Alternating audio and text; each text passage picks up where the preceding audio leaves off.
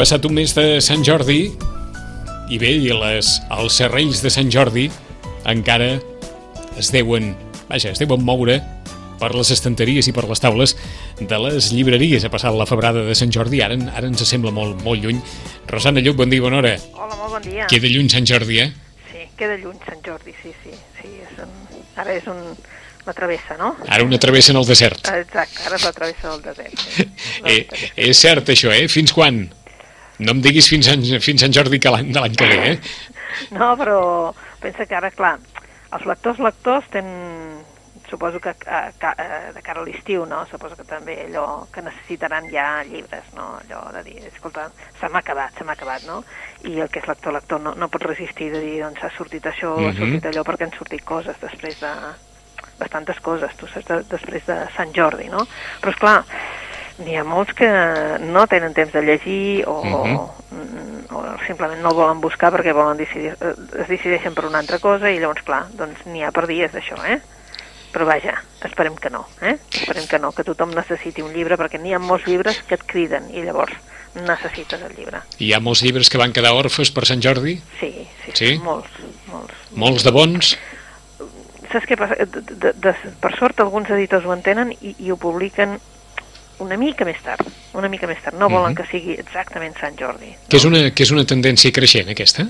Esperem que sí, esperem que sí, perquè de vegades dius, home, és que, és que vull dir, després hi ha una sequera de novetat, allò que, que novetat important en el sentit de dir promoció i tal, perquè hi ha tanta promoció per Sant Jordi que, és clar un tapa l'altre. Uh -huh. És horrorós perquè un tapa l'altre. Per tant, es pot tenir una novel·la bona, dues novel·les bones, 3, 4, 5, 6, 7, 8, 9, 10 per Sant Jordi sí. i acabarà guanyant la que faci millor promoció. Mira el que ha passat aquest any, eh? Vull dir que hi ha hagut unes novel·les amb molta promoció i aquestes són les que realment han estat Sant Jordi, eh? Uh -huh. Vull dir, les que tenen molta, molta promoció.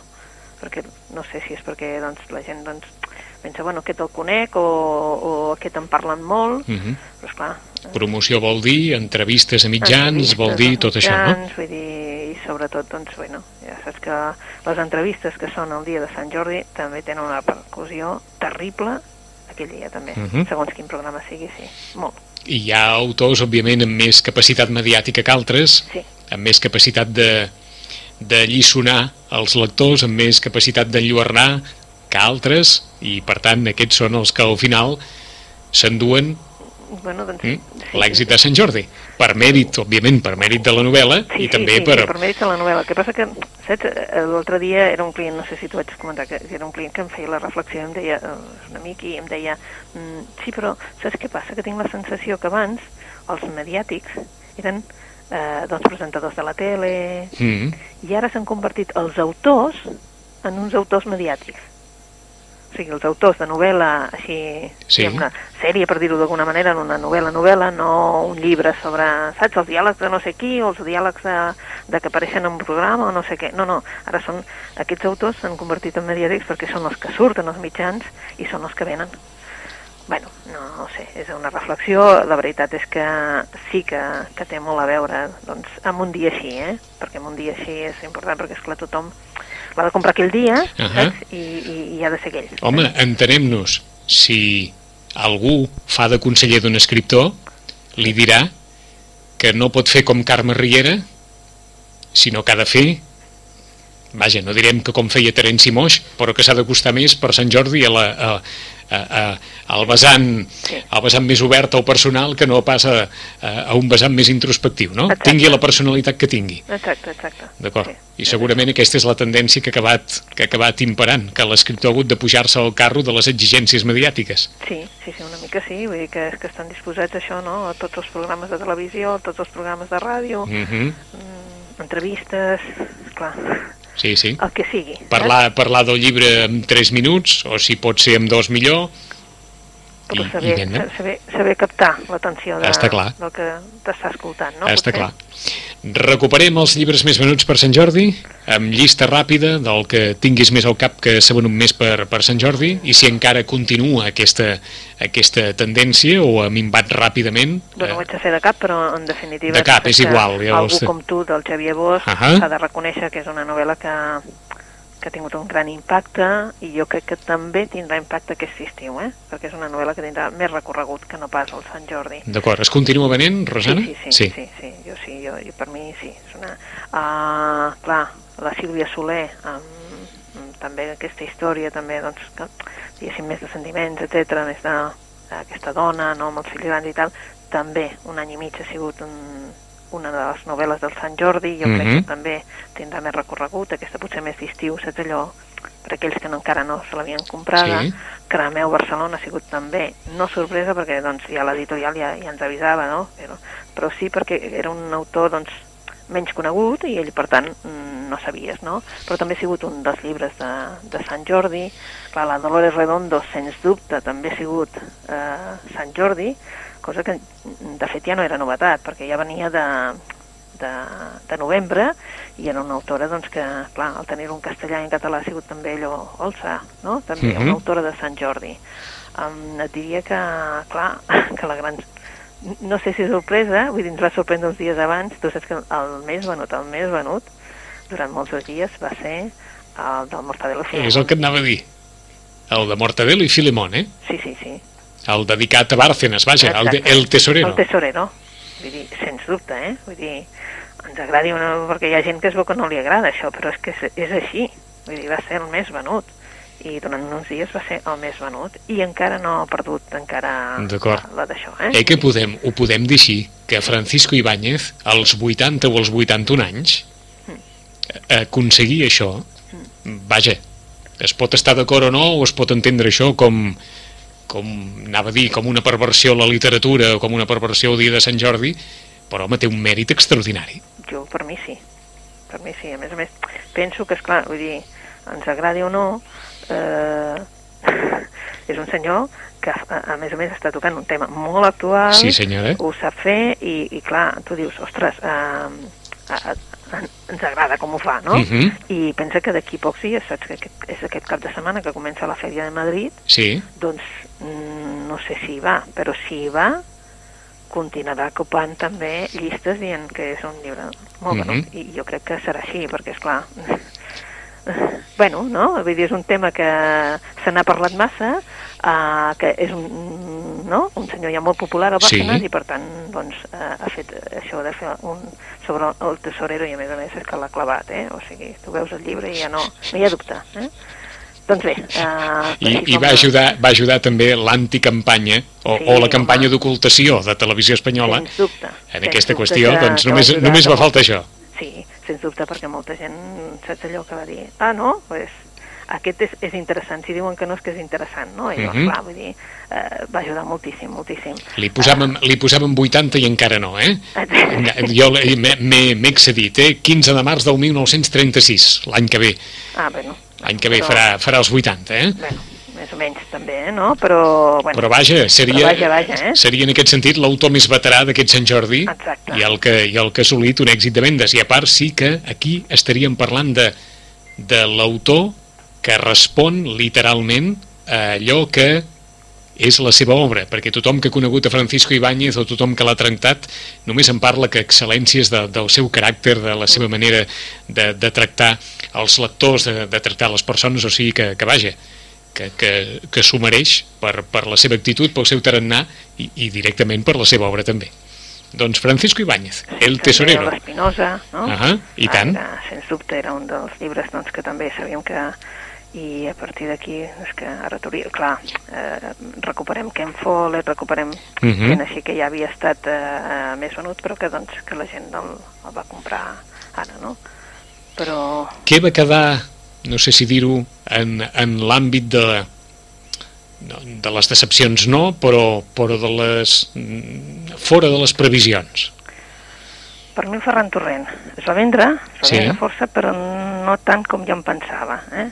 També és cert que potser hi havia menys edició, o potser en els últims dies ens va fallar bastant amb alguns i potser també no tenia aquella presència de, dels, dels autors així més, més, més, més coneguts, eh? que uh -huh. portaven novel·la nova. Per mi aquest, la Carme Riera, clar, és que era una obra com molt especial, Llavors també és veritat que el ser una obra tan especial tampoc no ha sigut la resposta No, de, mm, del llibre. No ha estat una, una, una obra de Sant Jordi, per dir-ho així. Exacte, i llavors també això també ha fet que no, no, no es notés tant, no? I mm, no et sabria dir gaire. Bàsicament aquests dos. Eh? Sí, Mm? no, no et sabria dir. Su- Suposo que me'n deixo, pues, eh, saps, allò, molts, però... Mhm. Però De, vaja, de eh? Ferran Torrent era un dinar un dia qualsevol, no? Exacte, un dinar un dia qualsevol, i s'ha venut, eh? S'ha venut, però jo pensava que, saps, allò feia temps que no, que no en teníem una sobre la taula Mhm. i deia, bueno, doncs ara Ferran Torrent doncs, eh, tirarà. I ja et dic, i potser... I era, sigut, I era una doncs, temàtica prou actual, també, no? Sí, però potser també és allò, doncs, no? Eh, mm, potser en aquell moment tampoc no n'hi havia prous a, en el moment donat, eh? Els dies abans potser tampoc no en tenies prous i això, això passa, eh? Que també per culpa de no tenir-ne prous o no haver-ho posat a la taula abans... Es no perd, eh, es perd en el... Sí, sí, perquè hi ha molta gent doncs, que fa una ullada abans per no haver d'estar allà en aquell moment, doncs, saps? Eh, atabalat, sabent què vol. Eh? Això no ha canviat, eh? No, no, no, gens, gens. Que és una diada fins a cert punt atabaladora si no es pren amb una mica de- d'estoicisme, Sí, eh? Sense, vull dir, se va bé perquè dius que, clar, és que hi ha molta gent. Sí, però hi ha unes hores concretes que hi ha molta gent, eh? Almenys a el que és a, a comarques, diguéssim, Ahà. no? Vull dir, clar, quines? Home, a la tarda hi ha un La tarda. a la tarda que a partir de les 6 i Exacte. poc, que En, és... en això em sembla que tota, tots els pobles de comarca Clar. podrien dir el mateix, eh? Clar, A Sitges perquè- igual, a partir de les 6 de la tarda, quan els col·legis acaben, quan els pares Clar. tornen de la feina, quan hi ha unes hores per poder gaudir una mica... És que, clar, tu, si tu penses, dius, bueno, és el moment que pot sortir la família. I aquestes coses, la veritat és que se surt en família, també, aquell dia. Mhm. És el bonic, també, del Sant Jordi, no? Que, bueno, la gent surt, vol sortir, vol mirar i vol escollir, i vol escollir-ho en, en tots, no? I dius, ah, bueno, eh, llavors, clar, és un col·lapse. Però, Ahà. tret d'això, mm, sí, és, bueno, preparats per un altre Sant Jordi. D'acord, perquè ha estat un bon Sant Jordi aquest? Ha estat Sí. millor Sant Jordi? Sí. no el millor Sant Jordi, però sí, sí ha estat un bon Sant Jordi. Les coses s'han de dir, con el seu nom, sí, el dia de Sant Jordi va ser un bon Sant Jordi. Eh? Vull dir que, que passa que és això, no?, que després, um, caiem, eh? Ahà. Caiem i caiem molt forts, vull dir, però, bueno, perquè maig és com, saps, allò... Sí, sí, dir- com allò que ens comentaves, una travessa en el desert. Sí, sí, sí, vull dir, si ens anéssim de vacances no sé si ga- gaire gent ho notaria, eh? D'acord. Saps, allò, dius, bueno, eh?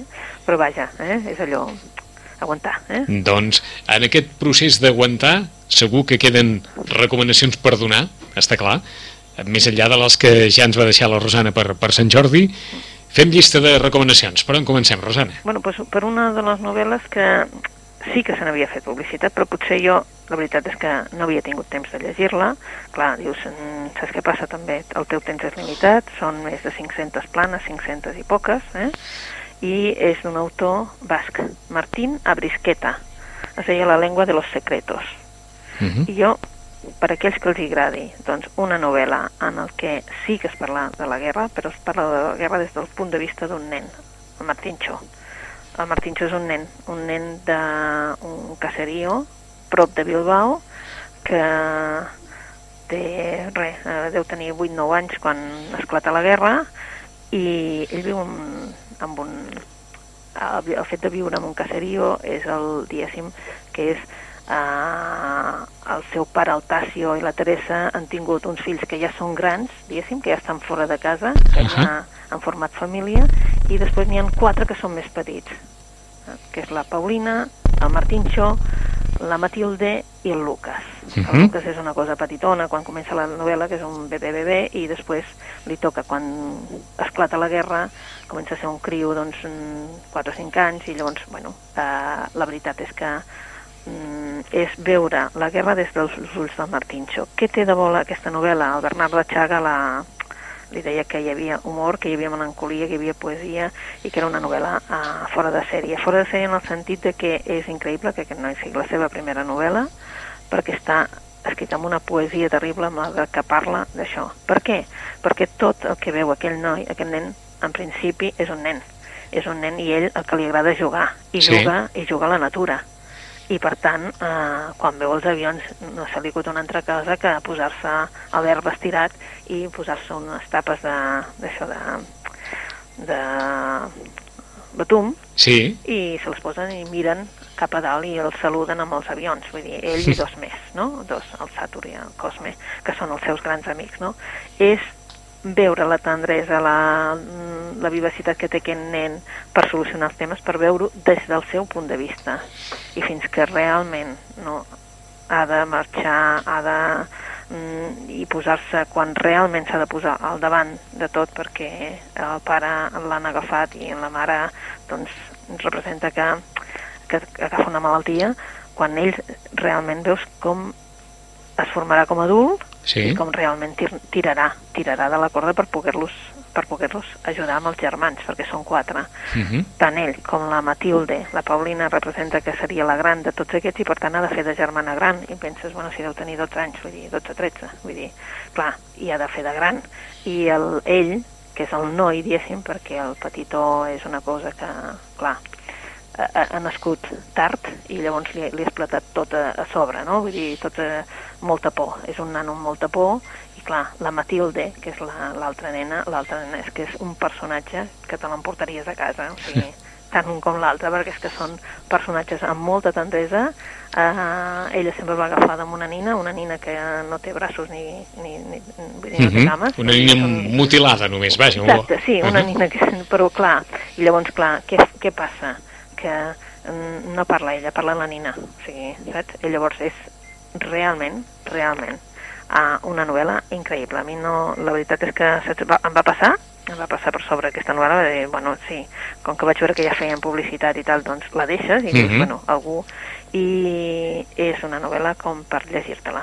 D'acord, o sigui que no es tracta d'una altra novel·la sobre la guerra civil, No, no, no, etc en etc, en absolut, eh? En absolut, en absolut, perquè diguéssim que la guerra surt, vale? però el que surt són els sentiments de la, de la gent i sobretot la, la guerra vista des del punt de vista d'un nen que és que és un joc Mhm.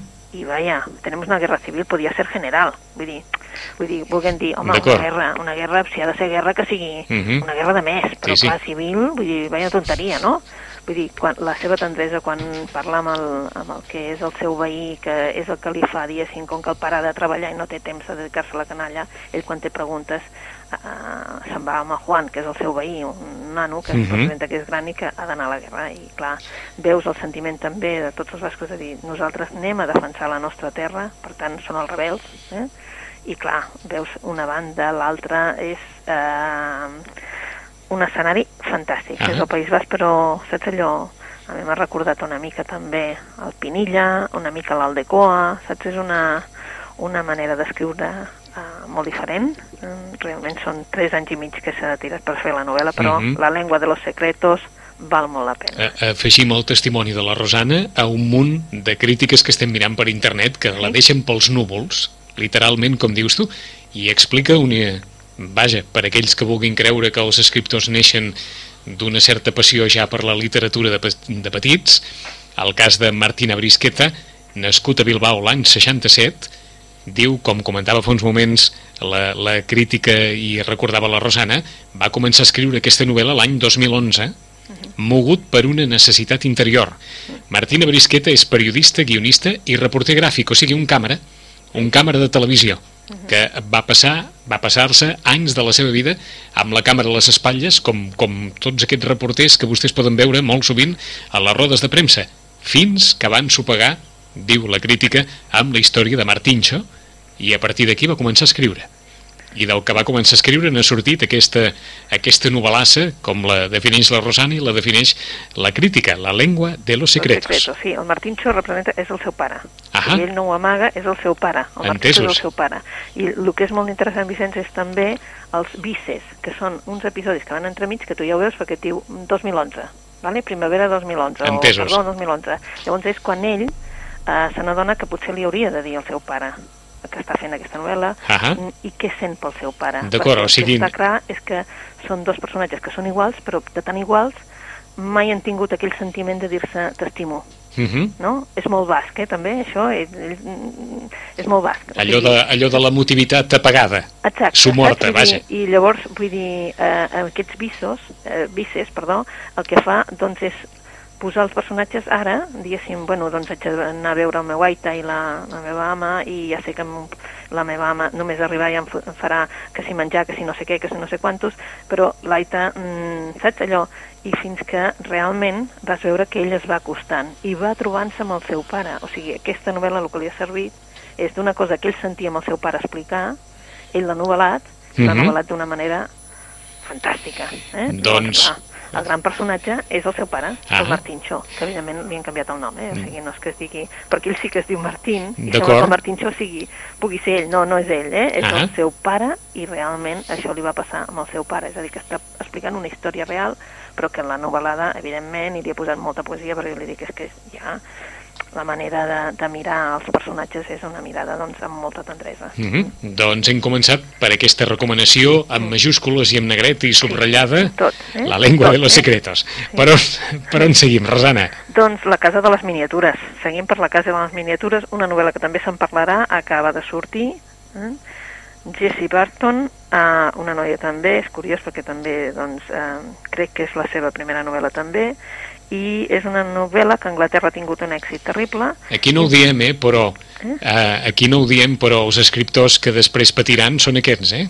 Els de les primeres novel·les Sí, sí, sí, sí, sí, que, sí perquè... que sí. impacten d'aquesta forma i que Clar. després a veure com, com es pot Com continuar aquesta d'això, eh? trajectòria. Eh? Sí, sí, sí. Però, però d'entrada, primeres novel·les, primeres novel·les sí, sensacionals. Sí, que, bueno, Salamandra, a mi me l'ha presentada Salamandra com la primera novel·la i crec que sí, perquè no, no posa res més. Ahà. La casa de les miniatures de la Jessie Barton ens porta cap a Amsterdam, cap a Amsterdam del segle XVII, el 1686, no?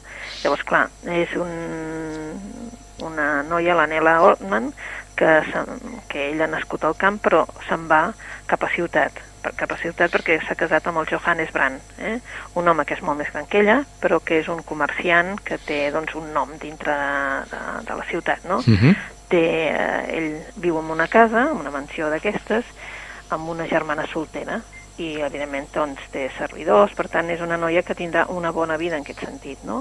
I com a regal de noces, el Johannes el que li fa és un regal molt especial, però que en aquell moment doncs, era un regal doncs, normal, no?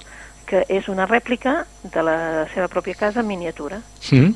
i la Nela eh, l'haurà d'anar posant, no?, eh, les figuretes i tot el que ella vulgui per poblar la casa, no? Sí. I llavors ella encarrega la, la, eh, les figuretes amb una miniaturista, no? I de mica en mica, això que semblava, doncs, no?, un... Tan bucòlic i tan... Sí, Mm. saps? Eh, eh, comença a ser... Bueno, eh, l, eh, resulta que vas descobrint secrets. Secrets, ell anirà descobrint secrets, secrets oscurs de, de, de, de la casa, no? sobretot de, del seu marit, que no, que no en sabia res de tot això, i també, en realitat, doncs, hi ha coses que poden passar que també es aniran descobrint, no? Clar, eh, té un toc, saps allò de...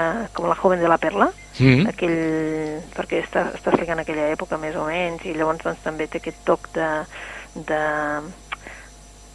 de molt, per- perfilar les coses amb molta eh, com si fos una miniatura realment, o sigui, la, tal com escriu, no?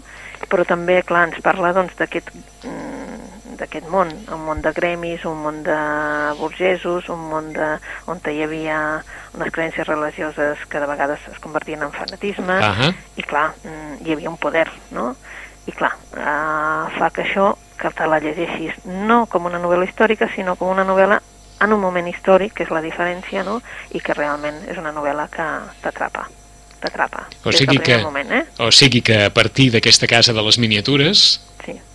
es va esdevenint la història, vaja, la, la metàfora en definitiva del context històric en el qual en el qual viu aquesta noia de camp acabada de casar amb un comerciant d'Amsterdam.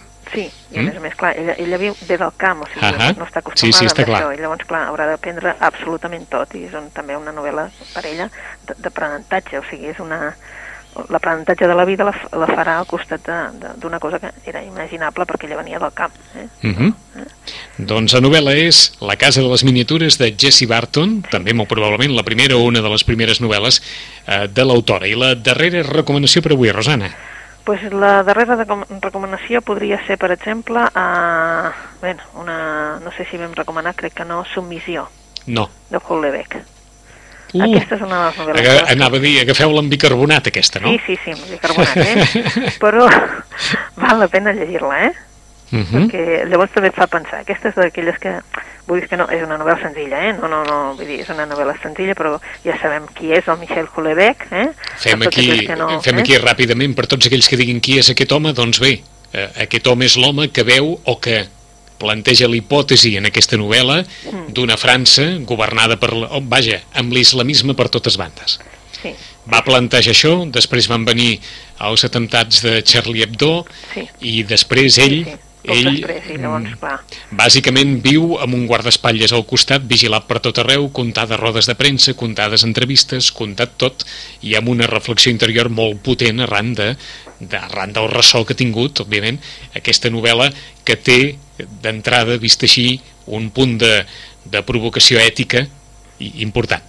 Sí, el que passa que mm, és veritat que això no estava previst, és a dir... No, no, està clar, està clar. Se li ha fet molta...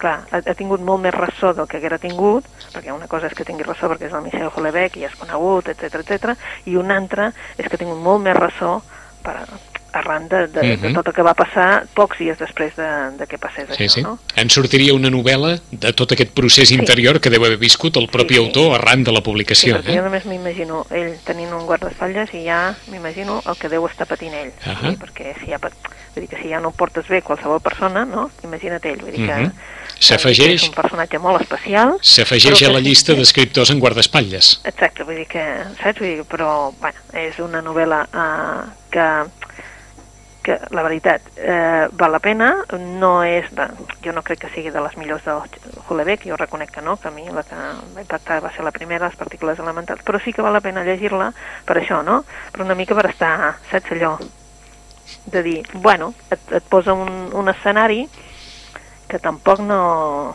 Vull dir, és un escenari, eh? És un escenari i la veritat és que, bueno, és allò que et fa pensar, no? Fet, clar, també és veritat que surt en un moment en què el moviment islàmic està tan, no?, en tants Sí, països, arrelant, sí, sí. etc, que també et fa pensar molt més del que en aquell moment si hagués sortit en un altre moment potser mm, haguera passat sense pena ni glòria. De tota manera, Eh? de tota manera podríem preguntar, bé, des, de, des de tota l'experiència, si n'hi ha hagut, per tant, des del punt de vista del, del ressò mediàtic i social, llegida la novel·la. No, no, no, no, No. no. no. per això et dic que jo crec que el tema és que és això, que va sortir en un moment en el que, vaja, és clar, i cada vegada, almenys els, no, les notícies ens diuen que doncs, l'estat islàmic està, està fent mal. Mhm. I està fent mal i, a més a més, vull dir, està agafant no? una mica més d'embranzida cada dia i això també sí que a tots ens fa com a, no? com a pensar més, però, Mhm. Però no, eh? si hagués sortit en un altre moment jo crec que haguera Que passat. això no hagués eh? passat, eh? Haguera passat més, eh? En qualsevol cas, com, com ens diuen les, les notes de la novel·la, l'autor situa l'acció doncs d'aquí ben poc, a la França de l'any 2022. Sí, clar. Mm? Els partits tradicionals s'han enfonsat, fins aquí segurament eh, més d'un s'afegiria aquesta, aquesta tesi de futur, i Mohamed Ben Abbas, el líder d'una nova formació islamista, derrota la candidata del Front Nacional a les eleccions presidencials. En François, un professor universitari fastiguejat de la docència i de la seva vida sexual, veu com la transformació que segueix l'arribada del nou president altera la vida dels francesos i li depara un futur inesperat. I a partir d'aquí una història, bé, una, una, una hipòtesi històrica que ha pres aquesta especial volada perquè, com molt bé diu la nota biogràfica del llibre, Submissió va arribar a les llibreries franceses el dia de l'atemptat contra Charlie Hebdo. Sí, és que... No, és, Vaja, la, la vida, eh?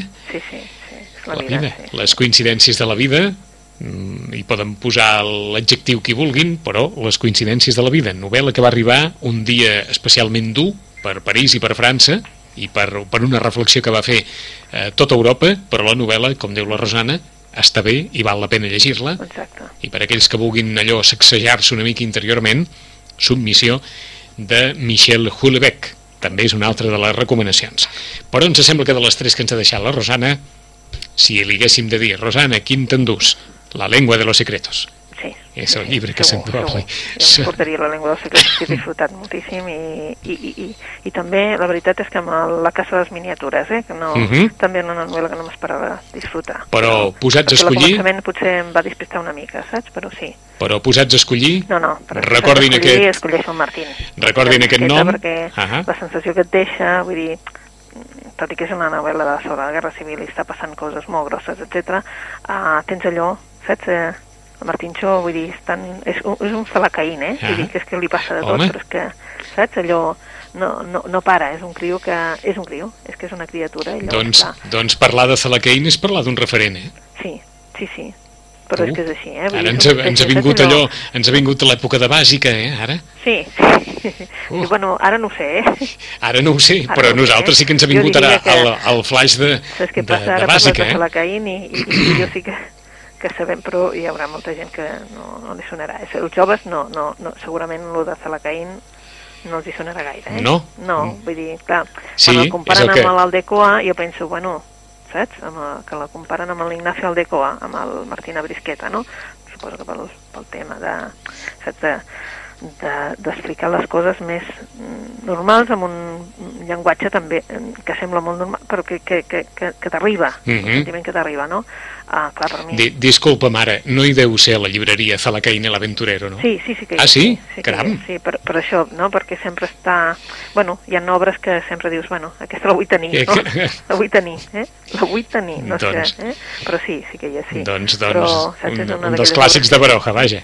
Sí, sí, Eh? sí, però bueno, sempre hi ha Doncs- algú, sobretot gent més adulta, eh? Per això, Uh -huh. que Doncs mira, mira, quina, que... mira quina imatge més bonica que de Martina Brisqueta, la Rosana Lluc, hagi, hagi pensat en, en Pío Baroja Mm. i, i Salacain i l'Aventurero. La lengua de los secretos, La casa de les miniatures i Submissió, els tres llibres que ens ha recomanat la Rosana. Rosana, gràcies, en 15 dies hi tornem. Moltes gràcies a vosaltres. Gràcies, adeu-siau.